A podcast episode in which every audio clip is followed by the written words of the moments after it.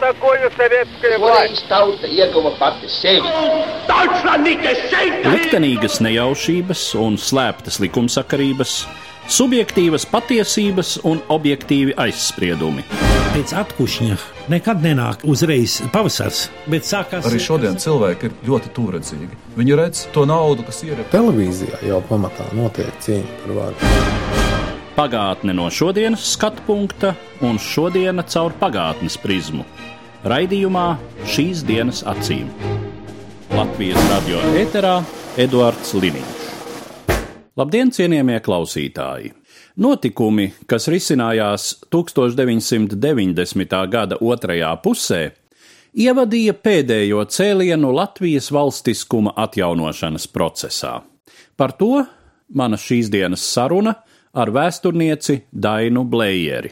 Ir diezgan skaidrs, ka tāds zināms lūzuma punkts attiecībās starp Latvijas varu un centrālo varu Maskavā bija pirmām kārtām Baltijas ceļš, pēc kura tā pastiprinās diezgan jūtami no centra nākošā retorika par to, ka Baltijā atzimst nacionālisms, radikālisms.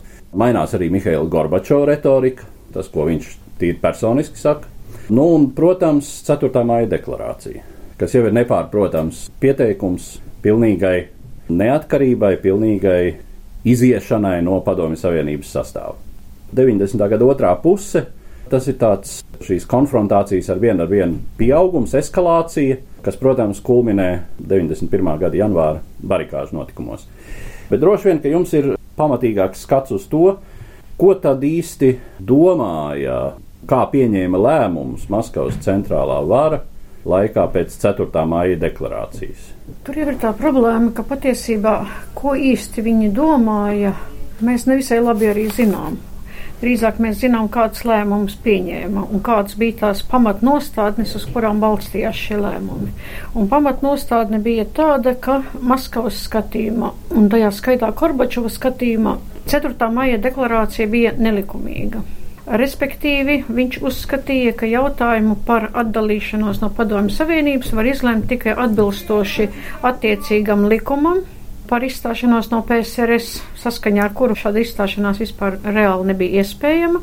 Otrām kārtām, ka šis jautājums ir jārisina visu Latvijas iedzīvotāju referenduma ceļā. Un Maskavas galvenā prasība jau kopš 1990. gada 14. maija, kad Gorbačovs izdeva dekrētu par Latvijas neatkarības deklarāciju. Nostāja bija tāda, ka kaut kāda jautājuma risināšana var sākties tikai tad, ja neatkarības deklarācija tiks apturēta kas absolūti nebija pieņemams Latvijas pusē. Jo jautājums bija par to, ka atšķirās tie pamatprincipi, uz kuriem balstījās viss strīds. Un no Latvijas puses pamatprincips bija tas, ka runa iet par Latvijas neatkarības atjaunošanu respektīvi par Molotovu-Ribbentropa pakta seku likvidāciju. Kas attiecās uz Maskavas nostāju, no Maskavas viedokļa bija runa par izstāšanos no PSRS, kas nozīmē, faktiski, ja mēs izstājamies, tad mēs zinām mērā it kā esam likumīgi iestājušies. Ja no Latvijas puses tātad pamat jautājums bija par to, ka tā bija nelikumīga aneksija, ka mēs esam nelikumīgi nokļuvuši Padomju Savienības sastāvā, tad Maskavas viedoklis bija tāds, ka šī atrašanās Padomju Savienības sastāvā faktiski ir leģitīma, neatkarīga no tā, kāds bija Molotova-Ribbentropa pakta sekas un tam līdzīgi. Otram kārtām bija tas, ka Gorbačovs visu laiku cerēja, ka Baltijas valstis tomēr izdosies pierunāt vai piespiest piedalīties jaunā savienības līguma noslēgšanā un parakstīšanā. Un faktiski visa tā politika bija vērsta uz to, lai to panāktu. Vai nu ar labu, vai ar ļaunu. Ja Latvijas puse visu laiku aicināja uz sarunām, tad Maskava visu laiku līdz pat 91. gada pavasarim no šādām sarunām izvairījās. Un sarunas arī no šā viedokļa nevarēja arī uzsākt, jo bija pilnīgi pretējas pozīcijas šajā jautājumā. Latvijas situācija šajā ziņā bija diezgan sarežģīta, jo arī Latvija cerēja uz rietumu atbalstu, bet rietumi visu laiku Amerikas Savienotās valsts un citas valsts teica, runājiet ar Maskavu, vediet sarunas, noslēdziet līgumu, Un, ja tāds atbalsts bija no rietumu puses, tad pirmkārt atbalsts bija tajā ziņā, ka nedrīkst pielietot spēku pret Baltijas valstīm, kad problēma ir jārisina mierīgā ceļā. Bet, teiksim, jautājumā par to, kā piespiest Maskavu sēsties pie saruna galda, nekādas īpašas darbības nenotika. Protams, Baltijas valstis darīja visu iespējamo, lai šo neatkarības atzīšanas jautājumu sasaistītu ar citiem jautājumiem un lai vispār panāktu, leģitimētu neatkarības atzīšanu arī starptautiskajā arēnā. Ar laiku šie centieni izrādījās diezgan sekmīgi, pamazām situācija uzlabojās, arī Amerikas Savienoto valstu un citu valstu attieksme uzlabojās. Arī tādos jautājumos, kā jautājumā par PSRS un uh, ASV tirniecības līguma noslēgšanu 1990. gada maijā, jūnijā, šis jautājums par attieksmi pret Baltijas valstīm tika risināts tādā vai citādā veidā. Tas noveda arī pie tā, ka tika atcelta blokāde pret Lietuvu. Taču Gorbačova politika visu laiku bija tāda, ka tomēr cerības panākt, ka Baltijas valstis tādā vai citādā veidā paliks šīs atjaunotās padomju savienības sastāvā. Savukārt uz to arī spēlēja neatkarības pretinieki Latvijā, Interfronte, kas tolaik jau bija apvienojusies, maijā apvienojās darba ļaužu pilsoņu un tiesību aizsardzības organizācija, apmēram tā tā saucās. Vēlāk tā pārtapa par Vislatvijas pilsoņu tiesību aizsardzības komiteju. Un Latvijas kompartijas vadība, kas pēc sašķelšanās 1990. gada aprīlī bija pārgājusi Alfreda Rubika un viņa atbalstītāju rokās. Un rezultātā viņi, protams, centās radīt iespaidu, ka principā šī vara nav likumīga, ka lielākā daļa Latvijas iedzīvotāju, ja notiktu referendums, tad noteikti balsotu par palikšanu Padomju Savienības sastāvā. Piemēram, frakcija līdztiesība augstākajā padomē apgalvoja, ka par tautas fronts kandidātiem ir balsojuši tikai 39% balstiesīgo vēlētāju un tam līdzīgi. Diezgan svarīgi būtu saprast nianses gan starptautiskajā situācijā, gan Latvijā, gan arī Padomju Savienībā kopumā. Un vispirms runājot par starptautisko arēnu, pirmās, kuras viskonkrētāk pauž gatavību atbalstīt Baltijas brīvības centienus, ir Skandināvijas valstis. Ar ko tas ir izskaidrojams? Pirmkārt, tas tomēr ir tuvāk, mazas valstis.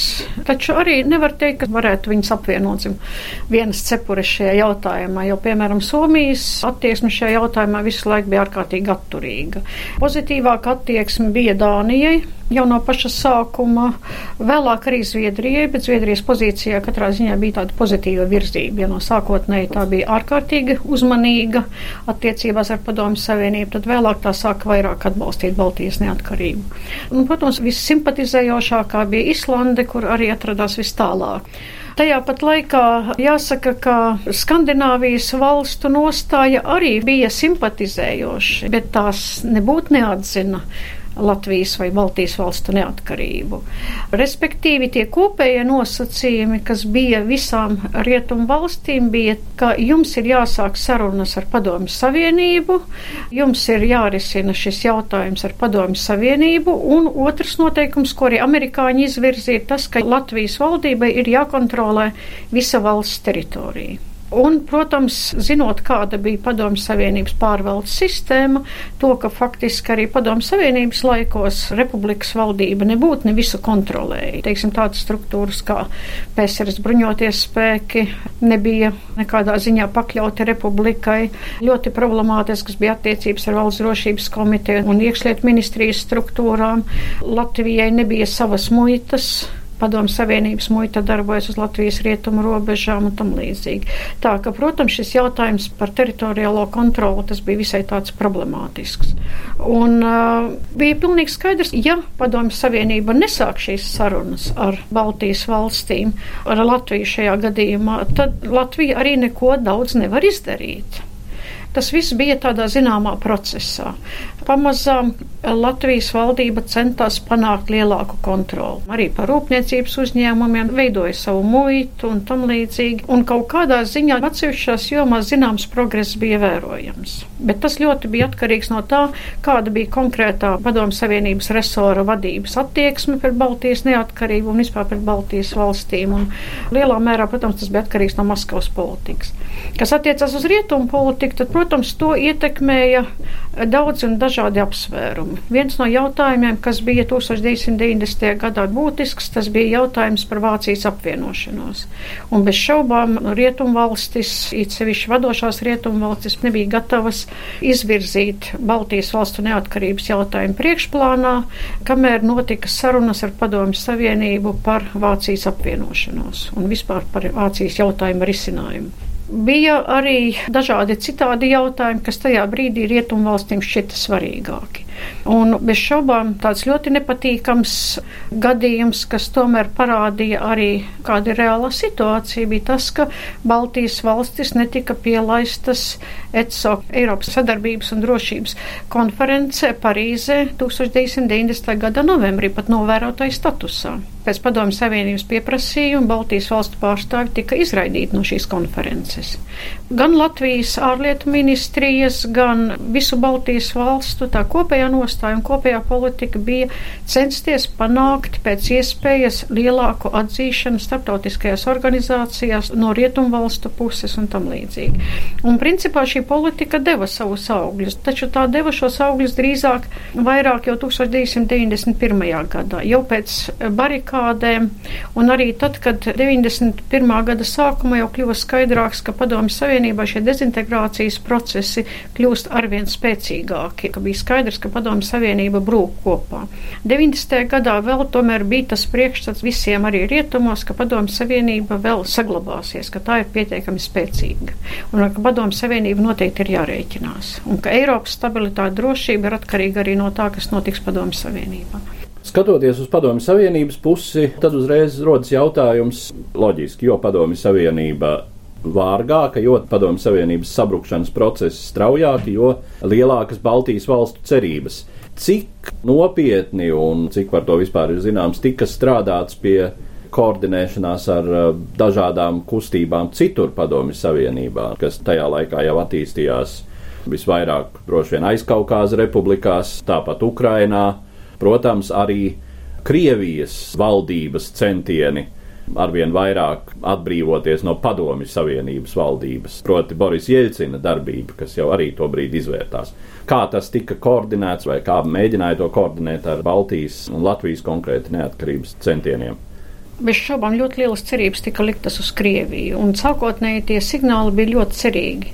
Jūlija sākumā sākās sarunas ar Krieviju, tika izveidota delegācija sarunām ar Krieviju par starpvalstu līguma noslēgšanu. Un bija daudz un dažādi paziņojumi no Borisa Jeļcina puses, kā tiekoties ar visiem Baltijas valstu līderiem, tā arī tiekoties ar Latvijas līderiem par to, ka Krievija bez šaubām atbalsta Baltijas valstu neatkarības centienus. Taču jāsaka, ka praktiski viss izrādījās daudz sarežģītāk. Jo 1990. gada septembrī Krievija atteicās parakstīt starpvaldību līgumu, atteicās iekļaut tā saucamo politisko sadaļu, respektīvi to sadaļu, kurā Krievija atzītu Latvijas neatkarību. Viens apstākļus bija tas, ka atbalsts Baltijas valstīm, Krievijas vadības atbalsts šajā gadījumā, tā saucamā Krievijas demokrātu, zināmā mērā tas bija, bet tas bija ar zināmiem nosacījumiem. Kaut kādā ziņā Krievijas demokrāti līdz galam neizprata, cik svarīga Baltijas valstīm ir tieši šī nacionālās pašnoteikšanās problēma. Viņi pirmām kārtām uztvēra demokrātiju kā cilvēktiesību un personiskās individuālās brīvības problēmu un tur jau slēpās nākošo konfliktu iedīgļi. Otra lieta bija tā, ka Borisam Jeļcinam Baltijas republikas bieži vien bija sava veida taktiska kārts, lai izdarītu spiedienu uz Gorbačovu. Viņam arī vajadzēja atbalstu no citām PSRS republikām savā konfrontācijā ar Gorbačovu. Un, protams, ka Baltijas valstu atbalsts viņam ļoti bieži noderēja. Tajā pat laikā, tikko viņam izdevās atrast kaut kādu vienošanos ar Gorbačovu, saskaņot intereses ar Gorbačovu, tā uzreiz atbalsts Baltijas valstīm mazinājās. Tādēļ Krievija, protams, bija interesēta risināt kaut kādas ekonomiskas problēmas, bet daudz mazāk bija interesēta politisku līgumu slēgšana un neatkarības atzīšana. Līdzīga problēma bija arī ar citām padomju republikām, varbūt pat izteiktāk bija ar šīm padomju republikām, jo lielākajā daļā no tām pie varas joprojām atradās vecā komunistiskā nomenklatūra. Un patiesībā liela daļa no tām bija ļoti uzmanīgi, īpaši Vidusāzijas republikas, arī Ukrainas vadība zināmā mērā tajā laikā, Baltkrievijas ļoti tā distancēti un ļoti uzmanīgi skatījās uz to, kas notiek Baltijas valstīs, un nebūtu īpaši nesimpatizēja daudzos gadījumos. Drusku citādāka situācija bija aizkaukāza republikās, īpaši Armēnijā un Gruzijā, kur bija diezgan lielas simpātijas Baltijas neatkarība, un tur faktiski tām bija tāda kopēja politiska bāze, jo šajās republikās arī bija jautājums par to, ka Padomju Savienība gan jau 20. gadu sākumā ir likvidējusi šo valstu neatkarību vardarbīgā ceļā, un tajā laikā tika izvirzīts jautājums par šīs neatkarības atjaunošanu. Un bija spēcīgas tautas demokrātiskās kustības, kuras izvirzīja šo jautājumu. Arī Moldovā, bet tur arī situācija bija diezgan sarežģīta, bet tur arī bija diezgan spēcīga probaltiskas simpātijas, ja tā varētu teikt.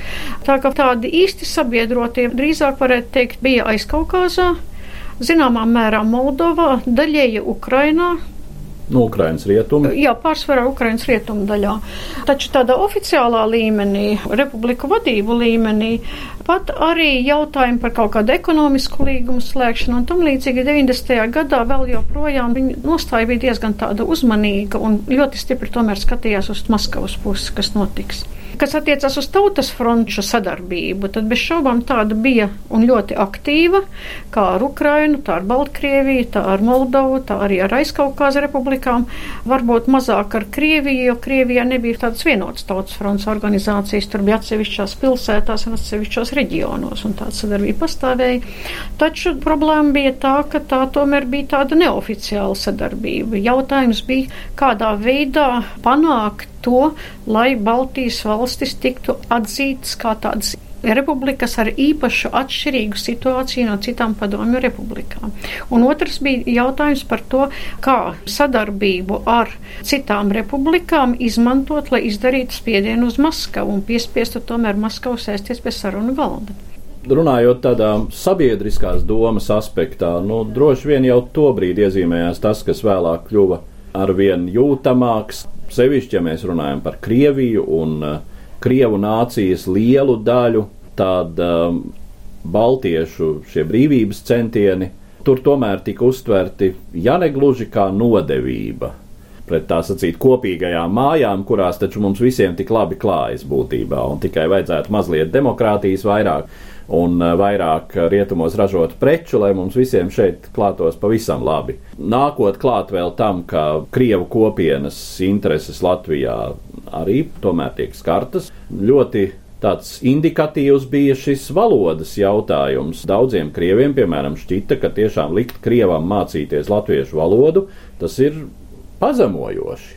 1990. gadā tas varbūt pat nebija galvenais jautājums. Tajā laikā jau pēc 4. maija deklarācijas faktiski priekšpalnā izvirzies jautājums vispār kāds būs to cilvēku status, kas ir ieradušies Latvijā pēc otrā pasaules kara un viņa pēcteču status un kas notiks, kad Baltijas valstis iegūs neatkarību. Jo tas, ka tās iegūst neatkarību, patiesībā šā vai tā jau droši vien bija skaidrs jau 90. gadā. Neskatoties uz to, ka Maskavā tomēr bija tāda pārliecība, ka izdosies viņus saglabāt padomu savienības sastāvā, tomēr liela daļa jau sabiedrības vismaz šeit uz vietas, es domāju, arī vietējie krievi un tā saucamie krievalodīgie ļoti labi saprata, ka patiesībā viss iet uz to, ka agri vai vēlu tas notiks. Jautājums, cik agri un cik gadus tas prasīs. Tas, ka padomu savienības sabruks tik ātri, acīm redzot, maz kas varēja iedomāties šajā laikā. Lielākā daļa tomēr uzskatīja, ka Padomju Savienība vēl paliks, bet ka Baltijas republikas atdalīsies no Padomju Savienības, tas bija pilnīgi skaidrs. Pirmkārt, jau tajā laikā izvirzījās pilsonības jautājums. Varētu teikt, ka šajā jautājumā līdz neatkarības deklarācija, līdz 90. gada vasarai šo iedzīvotāju pārstāvniecības tādas īstas nebija. Nebija neviena politiskā spēka, kas īsti uzņemto šo pārstāvniecību. 88. gada decembrī bija Latvijas tautu fórums, kurā šīs kultūras organizācijas, tiksim, Krievu kultūras biedrības, Ukraiņu kultūras biedrības un pārējās atbalstīja tautas frontes pozīciju un pašnoteikšanās pozīciju, un arī Tautas fronte iestājās par plašu kultūras autonomiju, un reāli šī kultūras autonomija zēla un plaukš šajā laikā dibinājās nacionālās skolas un tam līdzīgi. Taču šo politisko interešu aizstāvību neviens tā īsti nebija uzņēmies. Un problēma bija tā, ka 90. gada vasarā šo aizstāvību pārņēma Interfronte. Interfronte skaidri sāka likt akcentu pirmām kārtām uz to, ka tā ir krievalodīgo tiesību aizstāve. Sākotnēji varbūt to pat īsti nevarēja tā pamanīt. Bet tā sāka konsolidēt ne tikai politiskās neatkarības pretinieks, bet tā sāka ap sevi konsolidēt arī visus tos, kurus uztrauca cilvēktiesību jautājumi. Respektīvi, Interfronte pārņēma cilvēktiesību problemātiku jau šajā laikā un arvien vairāk sāka tieši uz šo problemātiku likt uzsvaru. Jo arī viņi arvien vairāk sāk apzināties, ka principā šis neatkarības atgūšanas process ir neatgriezenisks, tādēļ viņi arvien vairāk sāka pārslēgties uz cilvēktiesību problemātiku, kas arī pēc tam, pēc 91. gada augusta, kļuva par interfronts mantinieku galveno politiskās darbības jomu. Tas jautājums, kas, protams, izvirzās zinot, kā šie notikumi attīstījās tālāk un uh, kā notika procesi 90. gada beigās, 91. gada sākumā, kā notika šī no neatkarības pretinieku puses šī izšķiršanās par situācijas eskalāciju un izšķiršanās zināmā mērā sākt lietot eh, tomēr arī bruņotu spēku. No vienas puses Gorbačovs baidījās pazaudēt savu demokrāta imidžu rietumos, no otras puses arvien vairāk no viņa aizgāja tie līdzgaitnieki, kas bija demokrātiskāk noskaņoti un arvien lielāku ietekmi uz viņu atstāja, varētu teikt, tā reakcionārākā daļa no viņa līdzgaitniekiem. Un jau 90. gada rudenī jau zināmā mērā bija noformējusies tā grupa, kura tad vēlāk arī 91. gada augustā organizēja šo puču valsts apvērsumu mēģinājumu. Pugo, Jazovs, Janājevs un tam līdzīgi. Viņi, protams, centās Gorbačovu kaut kādā veidā piespiest veikt kaut kādus striktākus pasākumus pret Baltiju. No otras puses, Gorbačovs zināja, ka viņš nevar īsti veikt šos militārus pasākumus, un ja kaut ko dara, tad to var tikai ar kaut kā cita rokā. Līdz ar to bija šīs OMON vienības, kas vairākus gadus jau pastāvēja Latvijā.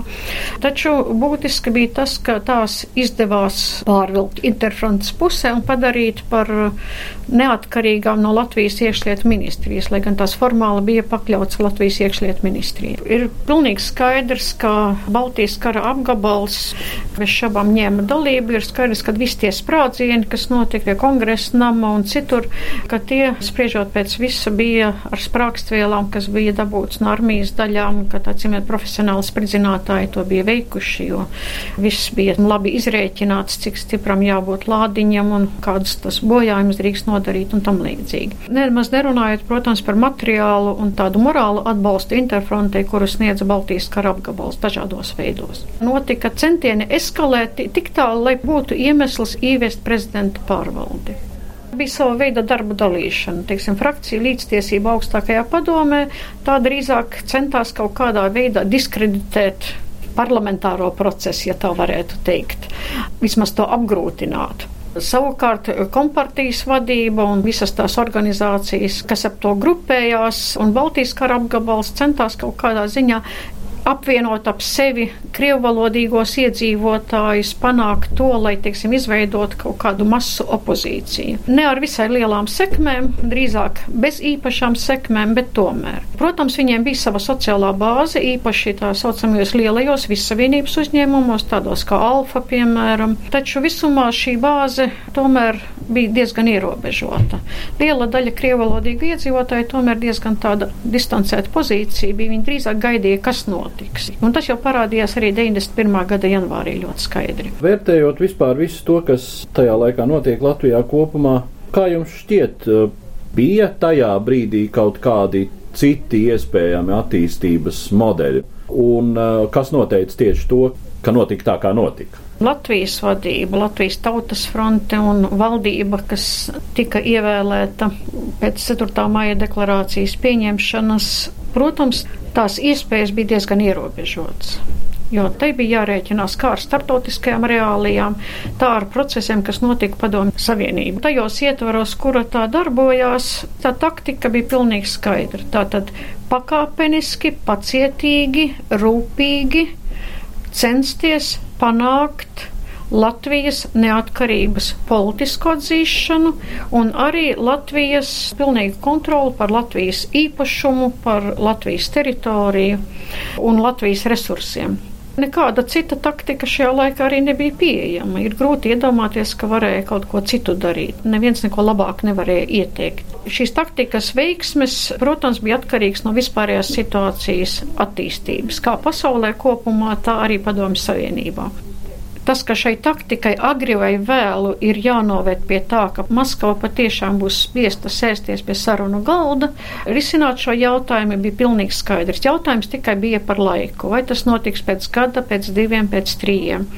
Optimistiski scenāriji bija divu, trīs gadu laikā, pesimistiskāki varbūt apmēram līdz piecu gadu laikā, bet cerības tomēr bija, ka tas notiks relatīvi ātri. Un ka šajā starposmā tad arī ir jāpanāk tie priekšnoteikumi, kas ir nepieciešami, lai Latvija varētu funkcionēt kā neatkarīga valsts. Tas, ka notika apvērsums un ka patiesībā Padomju Savienības sabrukums izrādījās tik strauji, to, protams, nevarēja paredzēt. Lai gan 91. gada vasarā jau tādas zināmas indikācijas bija, ka notikumi jau ir zināmā mērā nekontrolējami. Tā ka jautājums bija par laiku un arī par to, ka tā taktika, kura bija Latvijas valdībai, citas taktikas jau nebija. Un tā taktika patiesībā arī deva zināms rezultāts. Kā darbība rietumu virzienā, tā centieni kaut kādā veidā koordinēt darbību ar pārējām Baltijas valstīm, lai gan tur bija diezgan liels problēmas, jāsaka godīgi. No vienas puses puses bija tādi ļoti tālējoši plāni par to, kādā veidā varētu attīstīt Baltijas valstu sadarbību. Līdz pat sadarbībai, kas būtu dibināta pēc Eiropas Savienības principiem - kopējs tirgus, kopēja centrālā banka un tam līdzīgi. Taču šie plāni izrādījās diezgan utopiski, jo jau diezgan drīz izrādījās, ka tās intereses tomēr ir diezgan atšķirīgas gan Latvijai, gan Lietuvai, gan Igaunijai, un praktiskā sadarbība, praktiskā koordinācija nav nav tik laba, kā varētu gribēt. Piemēram, tai pašā saruna jautājumā ar Padomu Savienību.